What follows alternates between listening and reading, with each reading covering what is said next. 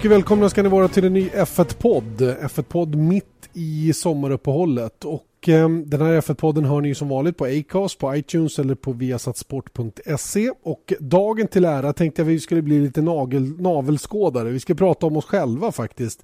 Eh, det är lite intressant det där med hur våra tv-sändningar går till och varför vi gör som vi gör. Och ehm, eh, då var det ju lämpligt tycker jag att bjuda in vår producent Erik Stenborg. Välkommen till F1-podden. Tack så himla himla mycket. Eh, är det nervöst? Oerhört faktiskt. Det finns, alltså, på riktigt så är det lite nervöst. Det ska vara det när det är första gången. Men är, jag tycker ändå att det, du är rätt person för att svara på de här frågorna som jag tror att många har och som jag får bli lite talesman för då. Eh, lite grann hur våra F1-sändningar går till och, och varför de ser ut som de gör och vad vi måste förhålla oss till när vi gör eh, Formel 1 så att säga på tv. Då. Eh, många vill ju gärna jämföra oss med de stora tv-bolagen typ Sky och BBC och riktigt så enkelt är det ju inte. Eh, eh, om, vi, om vi börjar med att prata lite grann om, om den setup vi har. Den är inte speciellt stor Erik, eller hur? Nej, det är inte det. Men först och främst så vill jag ju säga att det är ju du som bestämmer allting. Så det är ju ganska lätt att hänga med.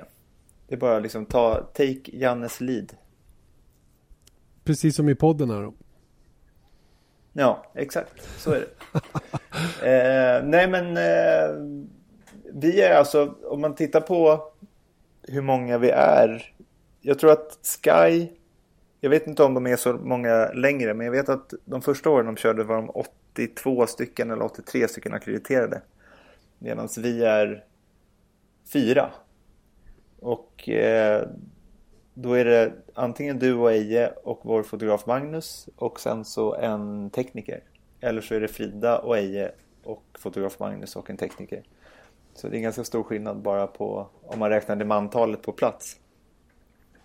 Det kanske är dumt att fråga dig, men jag vet att du ändå har kollat på både Sky och BBC, vad de producerar och vad vi producerar. Hur, hur stor skillnad är det tycker du? Alltså när du sitter hemma och försöker att, att koka ihop våran våran, eh, våra sändningar så att säga? Ja, alltså det är ju klart att det, alltså, man kan ju inte säga någonting annat än att det är eh, stor skillnad.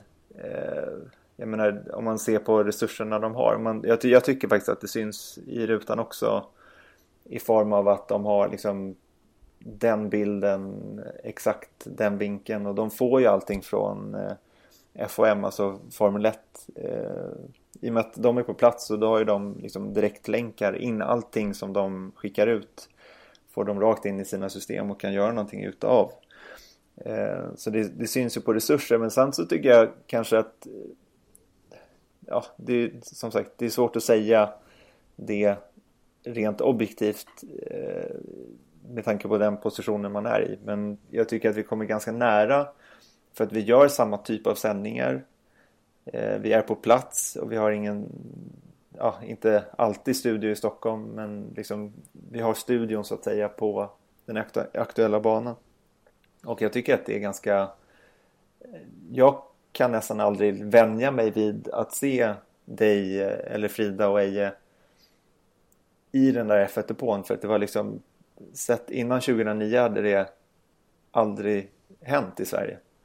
Så att eh, jag tycker ändå att det är nära sändningar vi, vi kommer och eh, vi inte liksom sett det procentuellt sett eh, hur mycket folk de har jämfört med oss så tycker jag inte att vi är procentuellt sett lika långt efter. Vi får väldigt mycket mer, det... vi får väldigt mycket mer tv för pengarna i alla fall, så kan man ju säga. Ja, det kan jag garantera alltså. Alltså de hyr hela, hela hotell liksom och jag vet att när vi var i Bahrain nu i eh, april så då bor ju Sky där också. De har ju liksom bara en sån sak att ordna catering och, och liksom eh, för 80 pers liksom på det där hotellet. Eh, när vi bodde på samma hotell menar jag. Det är en, apparat om man säger så. Verkligen. Men om vi backar lite grann då. Hur, hur, hur, hur lägger man upp en säsong? Hur tänker, hur tänker du när när du tänker på vad, vad tittaren ska få då? Eh, låt säga då säsongen 2015 som vi har haft nu då i år. Mm. Du menar resursmässigt? Nej, jag tänker bara hur ska det se ut? Vad, liksom, ja, vi kan ju börja där. Hur äskar du pengar? Hur, mm. Det är inte så lätt att internt få loss de pengarna vi behöver för att göra tv. Nej, det är det inte. Och det är faktiskt inte så mycket man har med den saken att göra. Utan det är liksom, man får en pott. Viasat Sport är ju Skandinaviens största sport... Eh, ja, vad heter det? Network. Eh, kanalhus. Eh, och det är ju, vi är väl... Ja, vi har ju Viasat Motor, fotboll, hockey och golf. Eh, och massa olika rättigheter inom de kanalerna. Och sen så är det väl egentligen så att eh, Viasat ger den den här potten har eh, Viasat Motor och så stor del av den här potten är till F1 eh, baserat då mycket på tidigare år och vi får alltid mindre pengar per, per år. Men det är ganska det har inte skadat oss speciellt mycket utan det är liksom man, man får vara kreativ med de pengarna man har.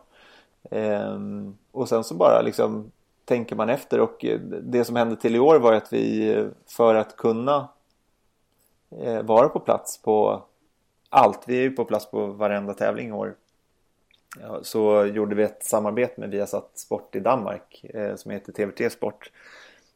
Så vi använder så mycket resurser vi kan dela på resurser i varje fall delvis. Vi får inte av regler från FOM då dela på allting men vi, vi gör så, så långt vi får.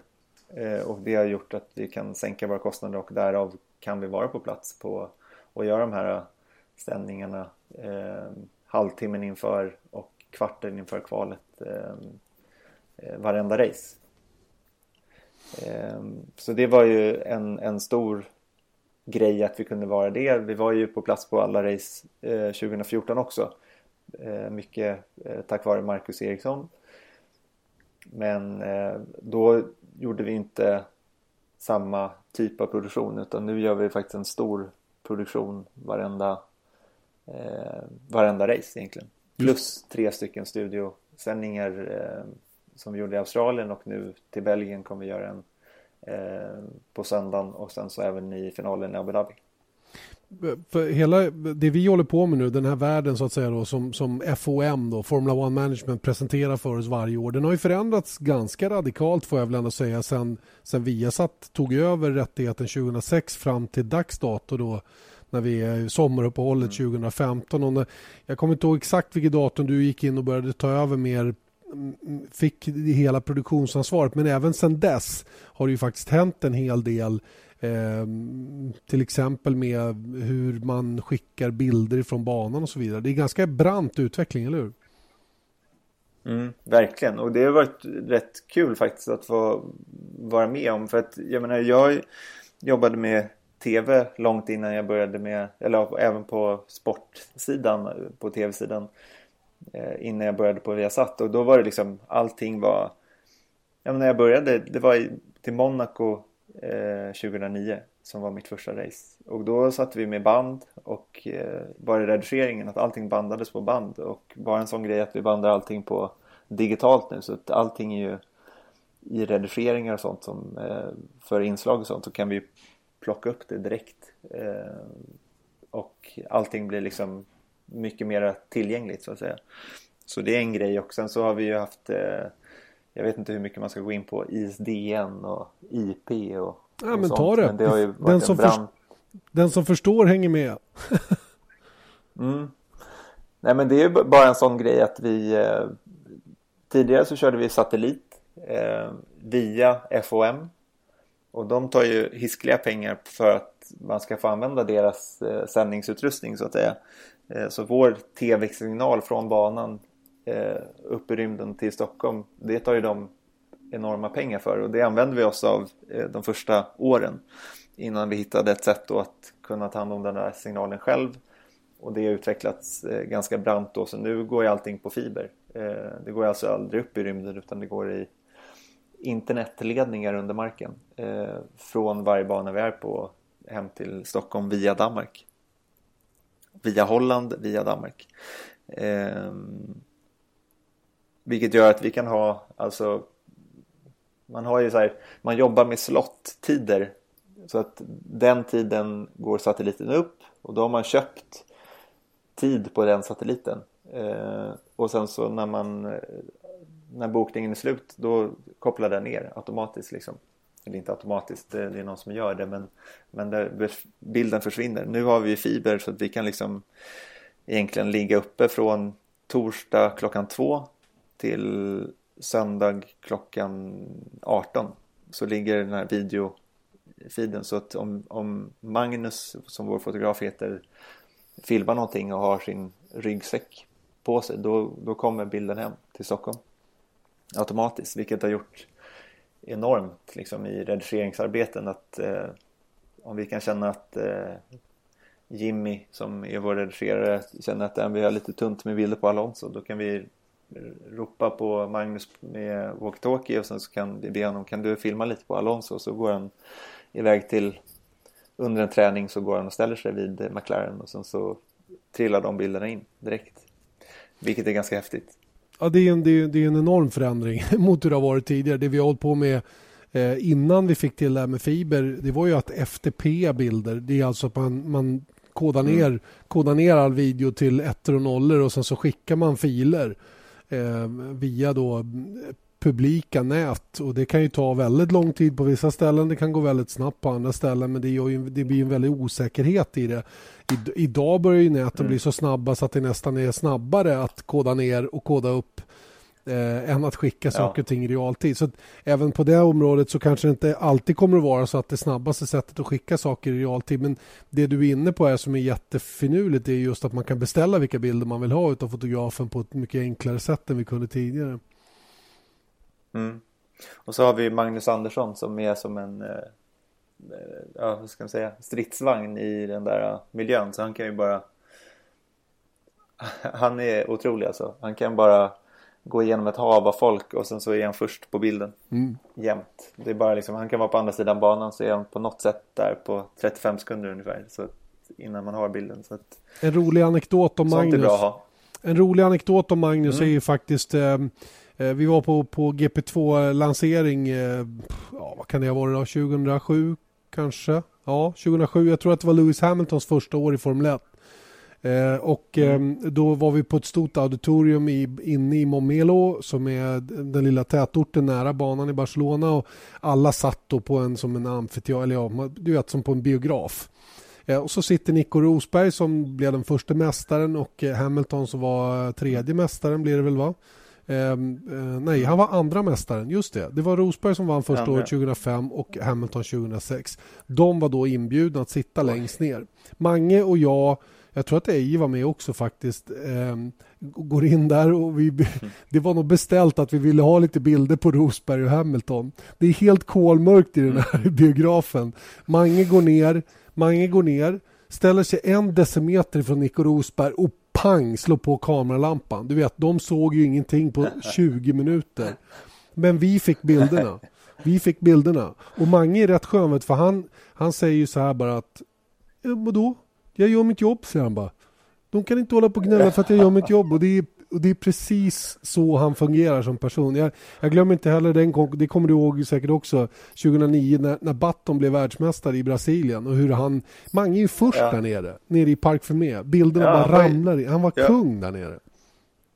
Ja, och inne i eh, Broans garage också mm. fick vi liksom, vi så, så bara tittade på världsfiden och sen på våra bilder och våra bilder var tre gånger bättre. För att eh, Mange var liksom rakt framför FOM-kameran. Han är, han, han är en guldklimp verkligen. Honom ska vi vara jätte, jätterädda ja. om och det tror jag vi är också. Vi, vi pysslar med Magnus men han är verkligen... Jag kommer ihåg när han började Eh, när vi hade kontakt med varandra första gången, det var ju, ja, jag kommer inte ihåg exakt när det var, men det måste ha varit 2007, 2008. Han hade precis blivit egen företagare då i den här branschen. Många är ju frilans och mm. han kom fram till mig. Jag jobbade på en annan tv-kanal parallellt då. Och, och Magnus mm. gjorde det också. Så kom han fram till mig och sa han, du, eh, jag är intresserad, sa han. Jag har sett alla lopp sedan 93. Jag vet allt om alla i depån och jag tänkte perfekt, kan inte ja. bli en bättre fotograf. Men just då hade vi inget jobb Nej. till honom. Sen gick det väl kanske ett halvår Nej. eller någonting innan vi ja, innan Viasat bestämde sig för att göra det de gjorde och då då tog vi kontakt med Magnus och han blev ju, han blev ju verkligen spot on för den positionen. Jag, ty jag tycker det är väl värt faktiskt mm. att lyfta fram Magnus Andersson lite grann för att han är en otrolig person. finns ingenting han mm. gnäller mm. över, han släpar grejer som väger hur mycket som helst, svettas, han blir solbränd, han kämpar med alla andra fotografer som man ska stångas ja. med och med väldigt, väldigt små resurser. Han är, han, är, han är verkligen en gåva. Ja, och det mesta han någonsin klagat i hela sitt liv är att säga så här, ja det var en svacka. Ja, och sen exakt. Så går han vidare bara. exakt. Ja, det var en svacka. Ja, det var en svacka. är Annars är hans favorituttryck som vi andra också börjar anamma, det är ju toppen bra. Och det stämmer så bra på honom. För toppen bra, det är mm. Magnus Andersson. Allt är toppen bra. Tänk att ha en sån kille. Mm. Toppen bra, toppen bra, toppen mm. Tre gånger måste man säga också. Annars ja, eller hur. Allting ska sägas tre. Det är lite som han mm. i det här Big Bang Theory. Vet du. Ja, men du, du kommer ihåg att jag sa att det var bara att hänga på dig. Ja, just det. Och så löser sig resten. Och det är ju, du har ju till och med anställt vår fotograf och han är kvar fortfarande. Så du, ja, men... det, är ju, det är ju så det är bara. Ja, men jag har bra koll på Även när man kommer till köer på banan. Exakt. Då är det bara också att hänga på dig. Janne Fastlane kallas han för. Exakt. Ja, men man måste ta för sig om man ska komma någon vart. Eh, vi har ju pratat väldigt mycket mm. Erik om den setup vi har på plats och den är ju inte, den, den känner ju alla till. Mange är med, det är antingen jag, det är Frida, det är Eje och sen har vi en, en holländsk tekniker som, som sköter så att vi kan höras hem till Sverige via IP och att alltihopa funkar och den setupen. Men vi är ju en del människor hemma också som sliter och krigar för att, för att bilderna och, och våra reportage ska bli snygga. Hur ser det ut? Men det är ganska också apropå små resurser att man vill inte liksom så här snacka ner oss. Alltså vi har ju gott om, alltså vi kan ju faktiskt göra det vi gör. Så man ska inte klaga på, på hur det ser ut. Men Viasat Motor är ju jag, eh, Patrik Hedlund som är redaktör och sen så är det eh, Jimmy Wik Edman och sen din son Rickard Blomqvist. Och det, det, Jimmy och Rickard är redigerare. Eh, Patrik Hedlund är redaktör och jag är producent. Och det är hela Viasat Motor och det ingår ju liksom i ja, allt annat också. MotoGP, Nascar, Indycar, eh, F3, V1 Supercar. Alla rättigheter vi har är ju liksom hanterade från oss. Men sen så är det ju så att vi lägger ju eh, Ja, sen så är det en massa frilansande eh, kommentatorer såklart. Men, men av vad som är så att säga anställda så är det fyra pers. Mm. Två stycken redaktionella och två stycken eh, redigerare. Och eh, det är också lite intressant tänker jag i alla fall innan jag började med tv att man, man tänker sig att det är enormt mycket folk och det är det ju. Eh, men liksom rent inblandade i produkten så är det två stycken som bestämmer det redaktionella och två stycken som bestämmer looken så att säga på, på hur saker och ting ser ut. Men sen så under sändningar så är vi ju eh, många fler och då har vi ju bildproducenter och då är vi ungefär 8 till 10 pers beroende på vad vi gör. Eh, när det är studiosändningar då som jag nämnde gör vi det tre gånger i år. Mest för ett test kanske. Det är mycket möjligt att vi kommer utöka det till nästa år. Eh, kanske inte på allt men på hälften kanske i alla fall. Mm. Eh, och då är det ju fotografer och fler programledare och fler gäster i studion och sånt där. Men det är ju det som gör att, ja, det är ju folk som gör så att man kan göra studio. Men ehm, eh, i kontrollrummet hemma är vi i snitt åtta pers skulle jag tro. Mm. Och det, är ju en, det, och det är ju människor som vi naturligtvis inte kan vara utan. Då. Det är bildproducent, det är grafiker, det är um, EVS-operatörer, då, EVS som är I'm Nick Friedman. I'm Lee Alec Murray. And I'm Leah President. And this is Crunchyroll Presents The Anime Effect. We are a new show breaking down the anime news, views, and shows you care about each and every week. I can't think of a better studio to yeah. bring something like this to life. And yeah, I agree. We're covering all the classics. If I don't know a lot about Godzilla, which I do, but I'm trying to pretend that I don't right Hold now. it in, hold on. And our current faves. And... Luffy must have his due. Tune in every week for the latest anime updates and possibly a few debates. Oof. I remember, what was that? say what you're going to say, and I'll circle back. You can listen to Crunchyroll Presents The Anime Effect every Friday wherever you get your podcasts, and watch full video episodes on Crunchyroll or the Crunchyroll YouTube channel.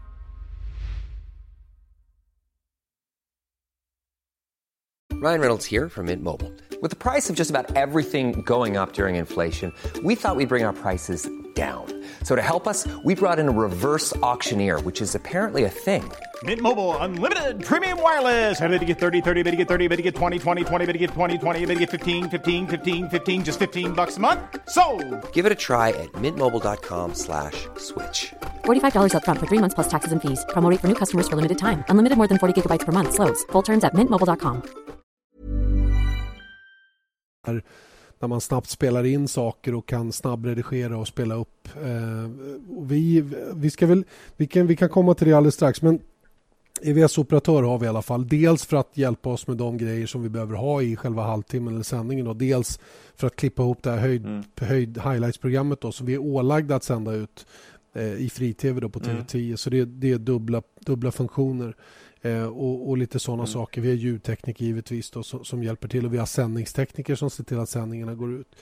Eh, men, men eh, det här med eh, vad vi måste göra och inte kan göra med produktionen är också ganska hårt föreskrivet av FOM. Många tror att vi kan styra mm. vilka bilder som ska synas och så vidare i själva racen och att man, vi fokuserar väldigt mycket på Marcus eller vad som Vi kan inte styra det överhuvudtaget. Det är viktigt att poängtera det.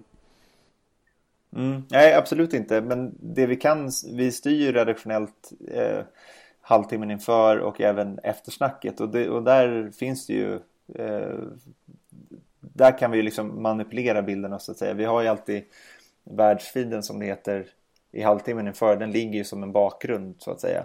Eh, men sen så i halvtimmen inför då har vi vår egen kamera och vår egen signal hem, videosignal hem som gör att vi kan göra det här. Men sen så hamnar vi ju alltid liksom i ungefär en kvart innan racet. Så det vi kallar för live-fönster där vi liksom bollar in intervjuer från, från Frida eh, från griden. Eh, och då ligger vi på live-feeden. För då har vi ju kameran på ett annat håll så att säga. Så där, vi har ju bara en enda kamera. Eh, att tillgå förutom världsfiden så då måste vi liksom lära oss eller där har vi lärt oss hur vi, hur vi liksom manipulerar saker och ting eh, fram och tillbaka så vi kan gå på de bilderna eller där eller där eller där. Så att eh, man hoppar fram och tillbaka. Men FOM är ju eh, ett rätt speciellt företag kan man väl kalla det. Eh, tycker du inte? Jo, definitivt. Jag tycker de är hopplösa ärligt talat. Eller hopplösa. Jag, ja. jag har ju koll på ur ett stort perspektiv. Jag förstår varför de gör som de gör. Men Eh, men, men det har blivit så att eh, livs, livskedjan för alla som ska göra saker åt FOM, alla ska tjäna pengar. Vilket slutar med att vi tv-bolagen ja. som köper tjänster av FOM får, bet får betala alltså hutlösa avgifter för egentligen ingenting ibland kan jag känna. Och det, det ja. blir jag lite störd över. Ja ja, om man jämför med MotoGP som är liksom Formel 1 på två hjul så där har ju Dorna som är eh, motsvarigheten till FOM där där har vi en gratis kommentatorsbox eh, varje race. Även om vi inte använder den eller inte så, eh, så står den där.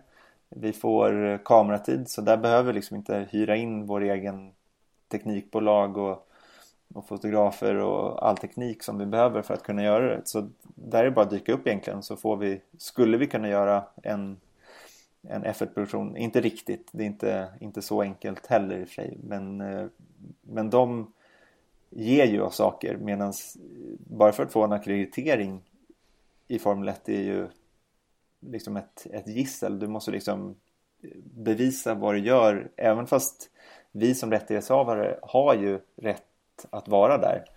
Men om vi ska skicka en ny person som inte har jobbat med oss tidigare så måste jag ju skriva ett brev där det säger att eh, kalkula han ska jobba med det här och han kommer befinna sig där och därför måste han ha access dit eh, eh, och inte dit för han kommer inte behöva vara där och sen så får man ofta en korrespondens på det då som säger att man kan ge, men om kalkula ska göra det vad ska då Janne Blomqvist göra under den tiden? Alltså det är liksom mm.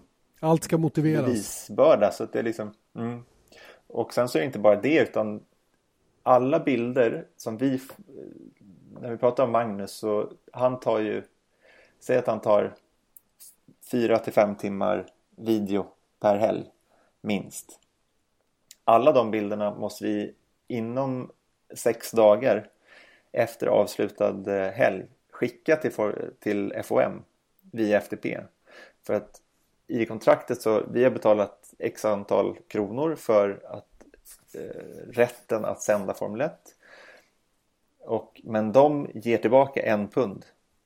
Och för den punden så har de köpt rätten till alla våra bilder. Så att det är liksom allt vi filmar äger inte vi utan vi får rätt att använda våra egna bilder men de har det är egentligen de som äger allting.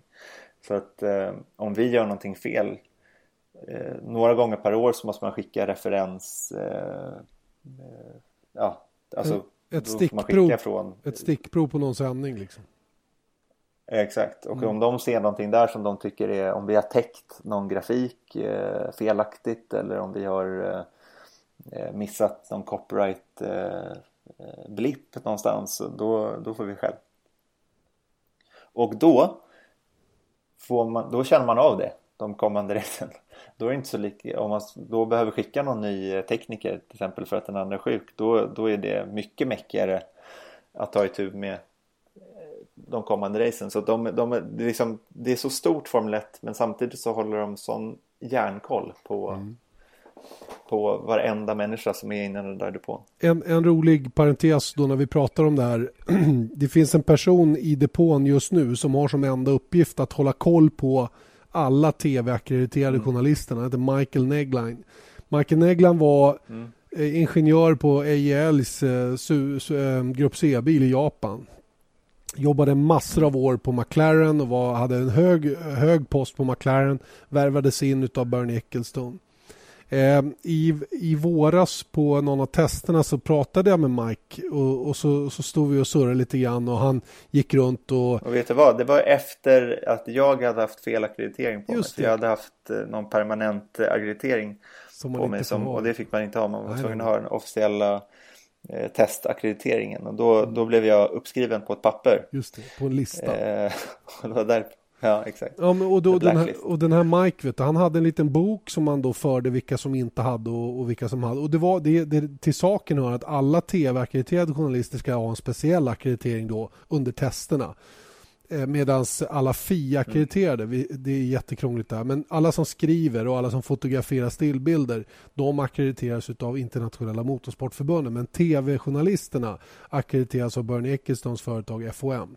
Därav skillnaden. Mm.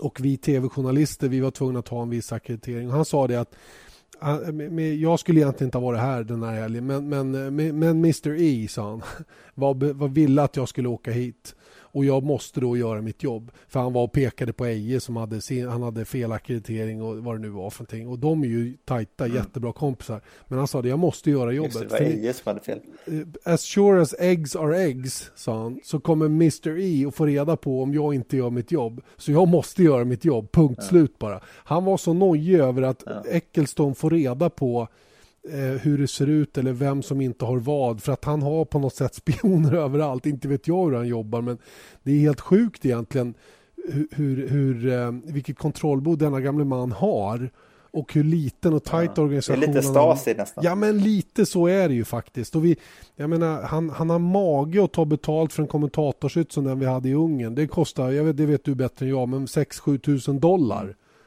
för att hyra en helg. Mm. Och det enda vi får är tre mm. tv-apparater. Vi får knappt stolar att sitta på just där. Och, och, eh, och det är det jag menar, att den här kedjan av människor som ska tjäna pengar på allt som finns, den är ganska lång. Och det slutar med en väldigt, väldigt dryg prislapp för våran mm. del um, i, i, um, i uh, TV, tv-delen. Så, så är det verkligen. Erik, är det någon, genom alla, nu har vi pratat väldigt mycket om oss själva och hur svårt och tufft allting är och vi har kanske inte berört ens 5% av allt som... Får, får jag ta en eh, anekdot bara? Ja, det ska du få göra. Innan, Absolut. Innan vi kör vidare. Kör hårt. Ja. Det, det är apropå FOM och det var när eh, jag träffade en som vi har haft mycket kontakt med, eller jag har haft mycket kontakt med, eh, som jobbar för FOM eh, på Silverstone 2010 och då frågade jag, eh, ja okej men vad kul, då träffade jag henne på torsdagen. Och eh, så bara, du ska vara här hela helgen antar jag? Hon bara, nej nej, eh, jag fick bara akkreditering tills på torsdagen. Jag bara, ha okej. Okay. Eh, och hon jobbar alltså för FOM. Eh, och så bara, okej okay, men, ja, alright. Men ska du vara, men jag ska vara här hela helgen säger hon. Jag bara okej, okay, men då är det skönt. Då har du fått eh, boende och så. Nej, nej, jag bor i tält. Utanför på banan. Så det är liksom, det är på den nivån också. Så att det är liksom inte så att de har någon gräddfil riktigt heller på som man jobbar med FOM. Det kan inte vara så himla kul och jag tror faktiskt inte att de har så himla roligt alla ja, gånger som det, jobbar för dem. Det tror inte jag, Michael Negler. Det tror inte jag heller ärligt talat. Jag tror inte heller att de liksom blir rika på sitt jobb. De som har höga positioner självklart Ian Holmes och de här killarna som, som, som eh, förhandlar rättigheter och hela den biten. De är ju viktiga personer i, ja. i Bernies organisation. Men, men det är tufft, tufft arbete och jag skulle inte vilja byta alla gånger. Eh, innan vi slutar, vi, vi, kan ju prata länge som helst om det här, men Erik, eh, någon episod sådär som du kommer ihåg, någon, någon speciell utmaning, någon sändning som höll på att gå käpprätt åt skogen som, som ändå blev, blev av? Så det sjuka är att det, har, det händer säkert fem gånger om året eh, på grund av tekniska problem som man som eh, eh, ja, alltså det, det har varit så oerhört nära att vi eh, inte kommit ut i sändning för att det är liksom ljudproblem eller eh, det varit helt svart eller någonting. Och sen så på något magiskt sätt så alltså sekunder innan vi ska gå live eh, så allting lirat hjälpligt och det var till och med varit under, jag kommer ihåg i Brasilien, jag tror att det var ja, finalen 2011 eller någonting sånt där som... Och, som när det åskade? Frida, ja, och Frida bara försvann. Frida och Eje bara försvann. Men det såg ut som, ett, som att vi klippte ja, med flit. Eh, men det var, de var helt borta i fem minuter och så landade vi på dig och du, du eh, höll huvudet kallt och pratade på och sen så helt plötsligt så dök de upp. Och så gick vi ner till dem igen och då var det som ingenting hade hänt. Och jag vet i och för sig att i Abu Dhabi 2009 då skulle vi gått på 45 minuter innan start eftersom det var finalen. Men eh, eh, då var det faktiskt eh, svart. Då fun fungerade ingenting. Det var helt eh, dött. Det var första gången det var race på den banan så att det var extrema tekniska problem på den banan. Så då kommer jag ihåg att då klev vi på eh, då fick vi stryka första kvarten och sen så klev vi på 30 minuter innan som vanligt. Men det kommer jag ihåg att det var ganska jobbigt. Det var första finalen som jag var med om och eh, var faktiskt på plats. Och man, jag kommer ihåg att man stod liksom och svettades något enormt. Och sen så när man väl kliver på live då är det inte så mycket att, att göra. Då, då är man där man är så att säga. Och då är det bara att låtsas som ingenting.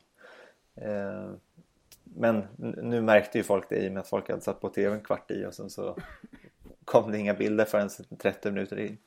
Så att, eh, nej men det har varit, eh, det, det kan du ju hålla med om. Det har varit många gånger som, och inte bara det utan att du och Eje har försvunnit också i kommenteringen och sånt. Men det, Jo, i Monaco förra året, eller för, förra året. Just det. Förra året tror jag att det var. Just det när, när allting bara dog och då var både du och Eje och jag på plats. Ja. Och så kommer jag ihåg att jag stod uppe i kommentatorshytten och det, det dog. Och då kommer jag ihåg att du vände dig till mig och sa så här, vad, vad gör vi nu? För vi hade liksom ingen kontakt med Stockholm överhuvudtaget. Eh, och sen så fick vi reda på att eh, Jo, men då var du på telefon, eller hur? Just det. Då ringdes det upp på telefon hybrid till dig och då, men du hade ju ingen bild för det var strömavbrott i hela... Jag fick, eh, fick inte jag titta ut på någon storbildsskärm tror jag? Kan det vara så? Jo, mm. du bara jag kan inte kommentera för att, för att det, det är inga bilder. Och så pekar vi ut på storbildsskärmens nät ner till höger. Och så fick du kommentera så gott du kunde. Mm. Jag tror att det var kvar. Men det var inte så många klagomål där. Nej. Grejen är att eh, jag tror att vi hade våra norska kollegor fick ta över en kort stund. Det var något sånt där som hände i alla fall. Men, men eh, för att eh, ja. runda av det där då så är det ju en av de vanligare frågorna jag får. Sitt, är du alltid på plats? Och då brukar jag svara nej, mm. det är jag inte. Jag är på hälften av racen. Ja, men hur gör ni då? För, och jag förklarar alltid mm. att Eje är på plats på alla race. Har i alla fall varit det de två senaste säsongerna. Och det får ju till följd att vi behöver ha en liten annorlunda setup där jag sitter i Stockholm och där jag är på plats. Det vill säga han kan vara i Australien och jag kan vara i Stockholm och det kan vara två sekunders, eh, två och en halv sekunds fördröjning på bilderna som han ser i förhållande till vad jag ser. Eh, vi kan ha den, den lilla fördröjning som kan vara rent ljudmässigt mellan oss två också som är oerhört knepig att lösa. Eh, nu tror jag dess bättre att vi kommer undan med det där utan att det blir några större att man märker någon större skillnad. För det är många gånger jag får den reaktionen. Jaha, du var på plats. Eller jaha, du satt inte på plats. Alltså man har inte riktigt koll Mm. på hur vi gör. Va? Och det, det tar jag som ett gott Nej. betyg på att vi klarar av det här. Men det är himla svår teknik. Men berätta hur du gör, för, alltså hur ni gör. För det är väl ändå så att Eje får inte reagera. Nej, nej. När han, han ser ju bilderna tidigare. Han får, han får helt enkelt hålla sig kall och det lyckas han med nio gånger av tio. Eh, Den tionde gången då, upp, upp, då säger han någonting. Så, Oj, Ja. jäklar, där åkte han av och så har inte vi ens börjat se Mm. incidenten när den liksom satt igång. Så det, det händer Ja. lite då. Och det bygger på satellitfördröjningen att, att Eje som är på plats, han får bilderna, säg två sekunder tidigare än vad du får Exakt. hemma i Stockholm. Exakt. Vilket gör att han kan inte reagera. Om han börjar prata till saker han ser så tar det två sekunder innan du har sett Jo. det. Vilket blir väldigt konstigt. Och då har vi ju nästa grej att vi ser ju inte varandra heller. Vi hade ett tag faktiskt Skype-kontakt så att vi hade bilder. Vi kunde liksom pra- se varandra på det viset. Men idag så har vi slutat med det för det, det, det faller ur och det kopplar ner. Så idag gör vi det faktiskt blint. Vi ser inte varandra utan vi går helt och hållet på känsla. Han, han får känna av när jag vill att han ska börja prata och så vidare. Och ibland pratar vi mun på varandra för att det blir av fördröjningsskäl så. Men ofta så tror jag vi kommer undan med det där. Men det är, det är förbaskat skönt att vara samtidigt på samma ställe. För att det gör saker och ting så Mm. himla mycket enklare.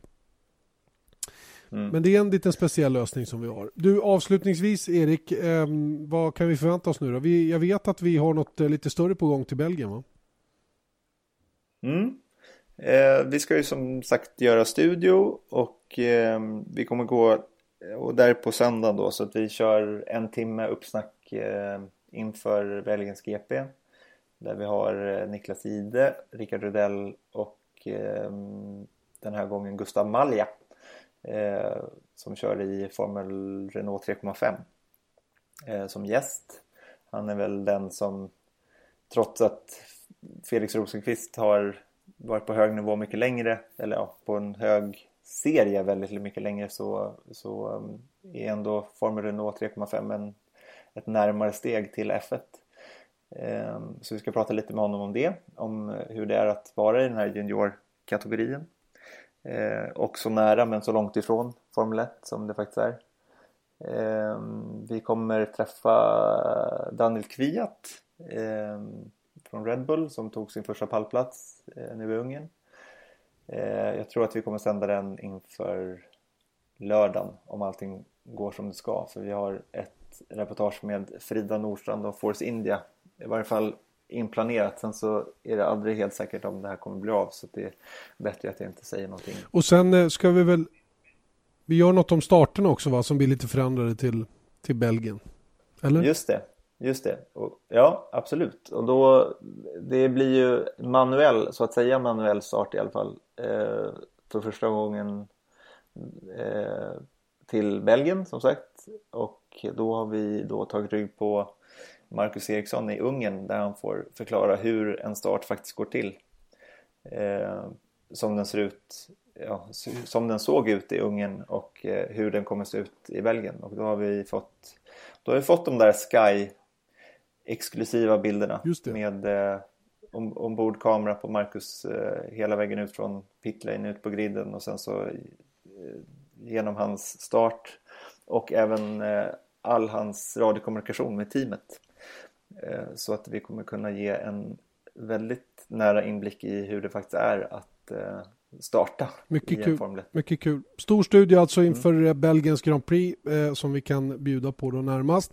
Erik, tack snälla för att jag fick störa mitt i barnläggandet och semestrar och allt vad det nu är. Eh, och så eh, tar vi och rundar av den här F1-podden för den här gången nu och eh, sen så utlovar vi en ny F1-podd om en vecka igen och så fortsätter vi att ta lite sommaruppehåll då för Formel 1 har ju faktiskt sommaruppehåll fram till just Belgiens Grand Prix då. Eh, och eh, jag ber att få önska en fortsatt eh, trevlig semester för den som har det kvar och skönt att vara tillbaka på jobbet för den som har börjat med det. Ha det bra Erik, tack snälla för att du var med. Tack ska du ha.